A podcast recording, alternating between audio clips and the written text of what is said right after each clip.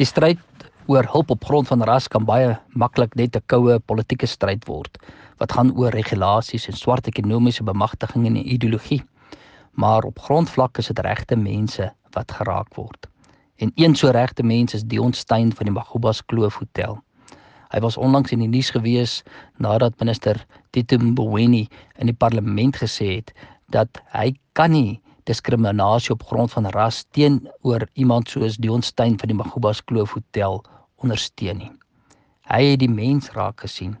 Minister Mboweni is 'n gereelde besoeker aan die spesifieke hotel en het gesprekke met Dion gehad. En ek kan my voorstel dat hy daar gesit het, Dion het sy situasie vir hom verduidelik en hier is kelners wat help en hy besef dat hierdie kelner wat my nou help, gaan sy werk verloor as gevolg van 'n absurde rasbeleid. En op grond daarvan neem hy 'n standpunt in, maar dit is nie aanvaarbaar nie. En dit is my ervaring ook.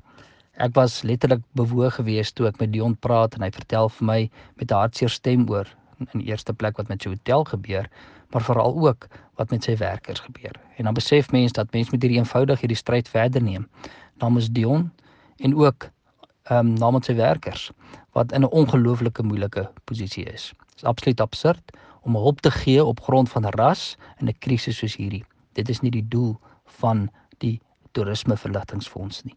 Die toerisme verligtingfonds se doel is om mense in nood te help met 'n spesifieke tyd in gedagte en dit is in hierdie korona tydperk. En dit is ook die doel van rampbestuur en die rampbestuurswetgewing. Hulle is daar gestel om mense te help en te ondersteun in hierdie spesifieke krisis. Swart ekonomiese bemagtiging heeltemal 'n ander doel en dis 'n ander soort debat. Maar daardie doel kan nie nou hier ingeskryf word nie. En ons dink op ehm um, met dit in gedagte het die Hooggeregshof 'n reuse fout gemaak. Daar kan eenvoudig nie regsruimte wees vir hierdie absurde soort van diskriminasie nie. En daarom vat Solidariteit en Afriforum hierdie saak verder na die Grondwethof toe en gaan ons ook optree namens Dion Steyn. Ons tree egter nie net op namens Dion Steyn nie.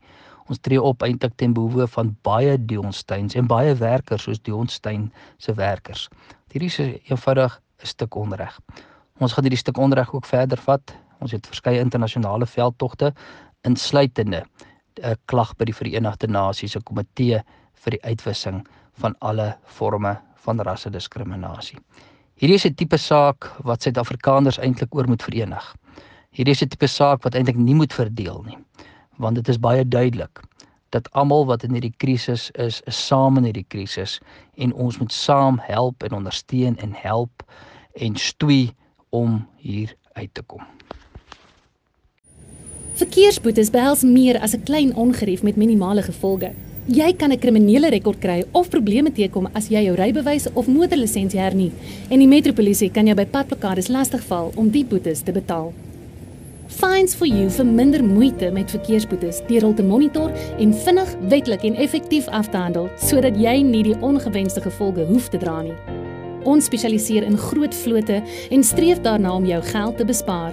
Kontak ons gerus op 011 867 7331 of besoek ons webtuiste by www.finds4u.co.za.